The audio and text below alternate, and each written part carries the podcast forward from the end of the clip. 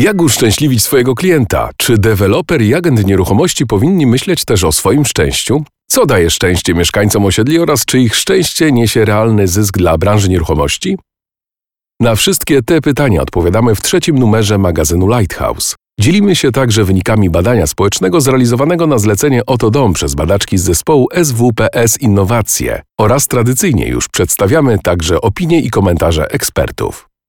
Czy wiesz, dlaczego architektura i szczęście są nierozerwalne? O satysfakcji z miejsca zamieszkania i relacjach sąsiedzkich opowiada patron trzeciego numeru, reportażysta Philip Springer w swoim tekście Architektura to śmiertelnie poważna sprawa, także dla dewelopera i pośrednika.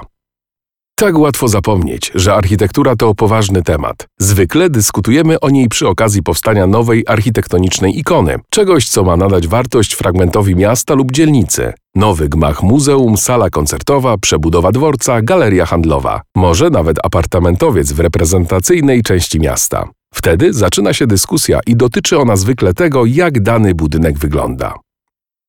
Nie rozmawiajmy jedynie o architektonicznych bibelotach. Padają opinie ładny, nieładny. I wówczas właśnie dyskusja umiera, bo nikt przecież jeszcze nigdy nikogo nie przekonał do tego, że coś jest ładne albo brzydkie. Ale na tym zwykle polega dziś rozmowa Polaków o architekturze. Nic z niej nie wynika. Może jedynie refleksja, że to taki niekonieczny temat. Przecież bez tych wszystkich efektownych budynków, które powstały w naszych miastach w ostatnich latach, dałoby się żyć.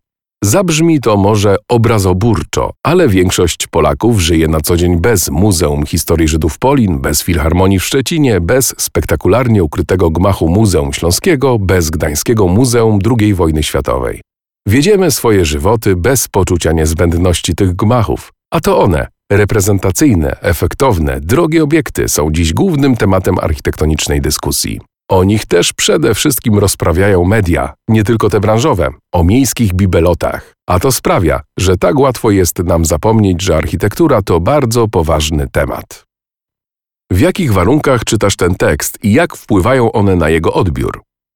A przecież poza nią nie ma życia. Dopóki nie powstanie pewna i bezpieczna technologia przeniesienia naszych mózgów i świadomości do cyfrowej przestrzeni, dopóty jesteśmy skazani na własną materialność. Żyjemy w trójwymiarowej przestrzeni i w niej realizujemy wszystkie nasze życiowe potrzeby. Odpoczywamy w niej, pracujemy, śpimy i budzimy się. Jemy, kochamy się i nienawidzimy. Jesteśmy materialni i jeszcze przez dłuższy czas się to nie zmieni. Nawet nasza ucieczka w cyfrowy świat odbywa się poprzez materialność. Musimy czegoś dotknąć, wyjąć telefon z kieszeni, podnieść klapę laptopa, usiąść przed nim. Projektowanie zaś, w tym to dotyczące budynków, jest projektowaniem naszego styku z materialnością. W największym uproszczeniu polega bowiem na wymyślaniu sposobu, w jakim będziemy funkcjonować w przestrzeni. Biorąc pod uwagę fakt, że jak już zostało powiedziane, od tej przestrzeni nie uciekniemy, wydaje się to dość odpowiedzialne zadanie. Tym właśnie zajmują się projektanci i projektantki, wymyślają, jak będzie działał na nas materialny, przestrzenny świat. Dotyczy to w takim samym stopniu tego, czy wygodnie trzyma nam się łyżeczkę i kubek z poranną kawą, jak i tego, czy przestrzeń, w której czytacie ten tekst, działa na Was dobrze bądź źle. Od tego, czy jest Wam teraz wygodnie, cicho, ciepło, czy nie wieje, czy macie dla siebie odpowiednią ilość miejsca i czy macie ładny widok z okna, zależy także, o zgrozo, odbiór tego tekstu. Jest bowiem duże prawdopodobieństwo, że jeśli czytacie go w warunkach utrudniających koncentrację, zbyt duże zagęszczenie ludzi wokół was, hałas, złe zapachy, niewygodna pozycja itd., możecie nawet nie doczytać go do końca. Nie jest to sprawa życia i śmierci, ale warto sobie uświadomić, że nie tylko możliwość koncentracji na tekście w magazynie, ale też jakość całego naszego życia zależy fundamentalnie od jakości przestrzeni, w jakiej to życie wiedziemy. I o tym właśnie powinna być rozmowa o architekturze. Nie tylko o reprezentacyjnych gmachach i rewitalizacji rynku, lecz o tym, czy życie, które wiedziemy w przestrzeni, nie jest czasem zakłócane bądź utrudniane tym, jak ta przestrzeń została zorganizowana. Pandemia brutalnie to obnażyła. Niemalże z dnia na dzień zostaliśmy zamknięci w czterech ścianach. Nagle stały się one naszym całym światem. Badanie przeprowadzone przez zespół badaczek SWPS dla Otodom wskazało najbardziej newralgiczne punkty dotyczące sytuacji mieszkaniowej respondentek i respondentów podczas pandemii. Jeden z uczestników badania mówi: Przyszło nam siedzieć w pewnym momencie na 37 metrach kwadratowych w trzy osoby, zamknięci cały czas. Nie pomagało to nam, krótko mówiąc. Mieszkanie, które mieliśmy w śródmieściu, było dla nas sypialnią tak naprawdę. Inna osoba dodaje: W momencie, kiedy to mieszkaniem była sypialnia, bo wyjeżdżałam, było mi wszystko jedno. To było takie zaciśnięcie zębów, ale mniej bolesne. Natomiast w momencie, kiedy to się stało już taką zamkniętą przestrzenią, to było bardzo wyraźne, że nie. Czy duży metraż to odpowiedź na wszystkie problemy? Zarówno przytoczone powyżej głosy, jak i wiele cytowanych w raporcie, choć należą do konkretnych osób, są głosami wielu z nas. Wybrzmiewa w nich wspólnotowe doświadczenie zamknięcia i przymuszenie do często bolesnej refleksji nad przestrzenią, w której się żyje. Z badania jasno wynika, że poziom stresu i mniejsze poczucie szczęścia w czasie pandemii miały wyraźny związek z przestrzenią, jaki dana osoba miała do dyspozycji. Przewrotnie jednak to jej percepcja i odpowiednie uporządkowanie były ważniejsze niż konkretny metraż. Łatwo bowiem wpaść w uproszczenie, że im więcej metrów kwadratowych, tym poczucie zadowolenia z życia większe, a stres spowodowany życiowymi przeciwnościami, także pandemicznymi, mniejszy. Pewnie tak. W dużym mieszkaniu łatwiej się ukryć, znaleźć kąt tylko dla siebie i w nim odpoczywać, pracować albo spędzać czas z dziećmi. Nic więc dziwnego, że wśród Polaków, którzy zdecydowali się na przeprowadzkę podczas pandemii, potrzeba większej przestrzeni stanowiła główną motywację 30% respondentów. W dalszej kolejności było zapotrzebowanie na kontakt z naturą 17% i zmianę stylu życia po długim czasie pandemii 16%. Okazuje się jednak, że nie tylko od metrażu, ale przede wszystkim od sposobu jego zaaranżowania zależało poczucie dobrostanu. Średnia powierzchnia mieszkania wśród tych, którzy już się przeprowadzili, bowiem nie wzrosła. Wzrosło natomiast poczucie zadowolenia z niej. Można się więc domyślać, że to nie liczba metrów kwadratowych, a inne czynniki układ mieszkania, okolica, widok z okna itd. Tak wpłynęły na odbiór tej nowej przestrzeni i zadowolenie z niej i życia w ogóle. Organizowanie przestrzeni i relacje z innymi.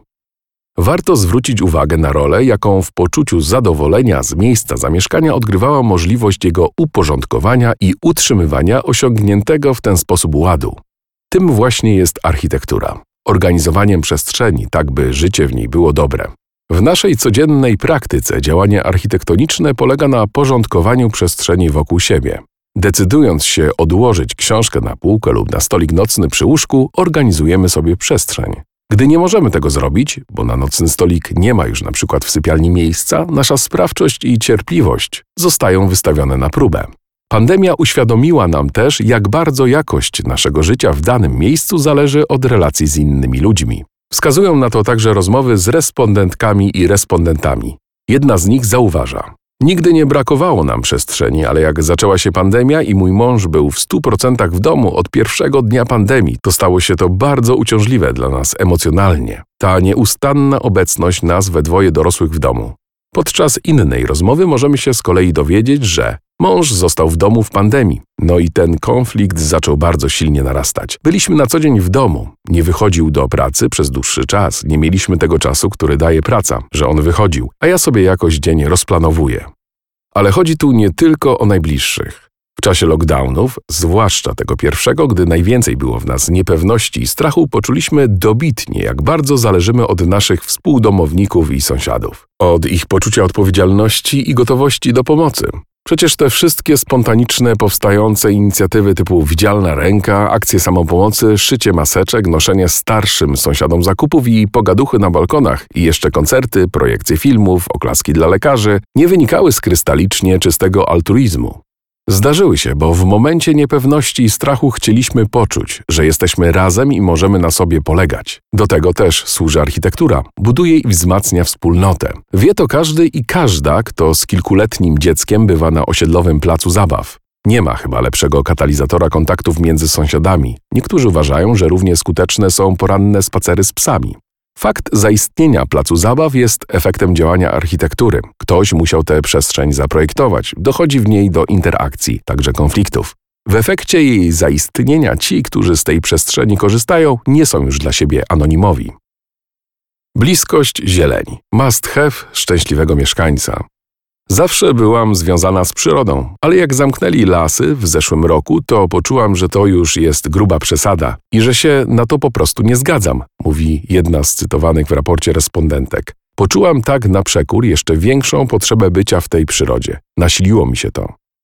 Tak, zamknięcie parków i lasów wiosną 2020 roku to prawdopodobnie jedno z najbardziej pożytecznych działań dla przyrody podjętych przez polityków w ciągu ostatnich 30 lat. Czerwone taśmy przy wejściach do parków, tablice z ostrzeżeniami w lasach i patrole policji wlepiające mandaty za spacery w zieleni uświadomiły nam dobitnie, jak bardzo tej zieleni potrzebujemy.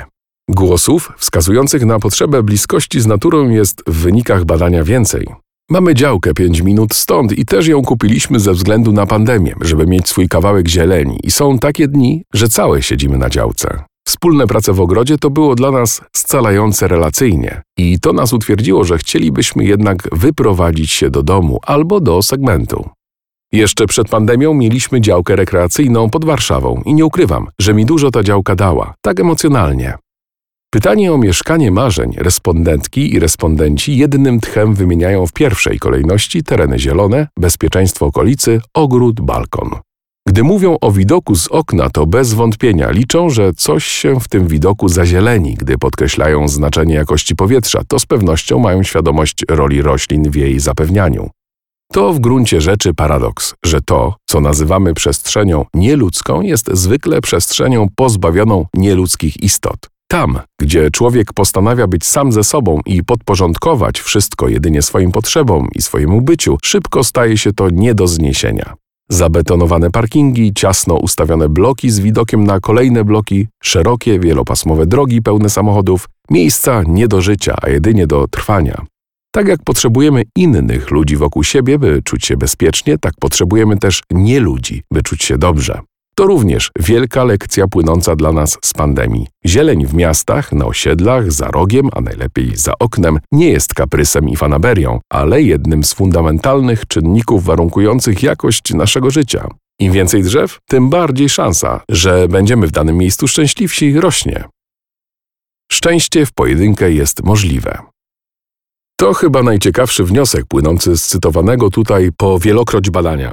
Niby oczywisty, a jednak musieliśmy doświadczyć pandemii, by to sobie uświadomić. W pojedynkę nie zapewnimy sobie szczęścia w miejscu, w którym żyjemy. Ono pojawia się zawsze w relacji z innymi. Najczęściej są to ci, z którymi tę przestrzeń dzielimy, współdomownicy. W dalszej kolejności to być może już nieznana nam projektantka, która kiedyś zaaranżowała zajmowane przez nas ciasne, ale ustawne mieszkanie. Innym razem urbanista projektujący układ całej dzielnicy. Bywa, że sąsiad, z którym będzie można pogadać o pelargoniach na balkonie albo inni rodzice okupujący ławki przy osiedlowej piaskownicy. Ale na tym relacje warunkujące nasz dobrostan w przestrzeni się nie kończą. Bo trzeba tu dodać te, które łączą się z zadowoleniem, gdy odsłaniając rano okna możemy popatrzeć na korony rosnących topoli, a do ulubionego warzywniaka możemy iść przez park pełen kasztanów. Słowem, to, co stanowi o szczęściu ludzi w przestrzeni, jest nieosiągalne dla tych ludzi działających w pojedynkę. Jest nawet nieosiągalne dla instytucjonalnych użytkowników tej przestrzeni. Pojedynczy deweloper czy wspólnota mieszkaniowa nie są w stanie w 100% zapewnić swoim klientom tego, co respondenci ich badania opisują jako mieszkanie marzeń dobrego układu dzielnicy, dostępu do terenów zielonych i usług, sprawnego dojazdu, odpowiedzialnych sąsiadów, drzew za oknem, ciszy i czystego powietrza. Co więcej, tego wszystkiego nie jest w stanie zapewnić nawet samorząd czy państwo. Nie znaczy to jednak, że wszyscy ci aktorzy, poczynając od jednostek, a kończąc na państwie, nie powinni próbować tego szczęścia zapewniać. Muszą mieć jednak świadomość, że jakość przestrzeni i nasze zadowolenie z życia w niej zależą od relacji między nami i współdziałania. To być może najbardziej krzepiąca lekcja z pandemii, która wybrzmiewa między słowami tego raportu. Dowodzi on bowiem dobitnie, że wszelkie pomysły na wznoszenie murów i barier, budowanie bunkrów, tych realnych i tych symbolicznych, które mają nas odgrodzić od niebezpieczeństw, z góry skazane są na niepowodzenie. W umocnionych fortecach tylko przez chwilę poczujemy się bezpiecznie. W silnych wspólnotach i rozsądnie zagospodarowanej przestrzeni, która te wspólnoty umacnia, mamy szansę na odrobinę szczęścia. Czytał Jacek Jabłoński. Dziękujemy, że byłeś, byłaś z nami. Jeśli chcesz dowiedzieć się jeszcze więcej, sięgnij po trzeci numer magazynu Lighthouse. Najnowsze wydanie znajdziecie w Empikach w całej Polsce oraz na stronie www.magazynlighthouse.otodom.pl. Do usłyszenia.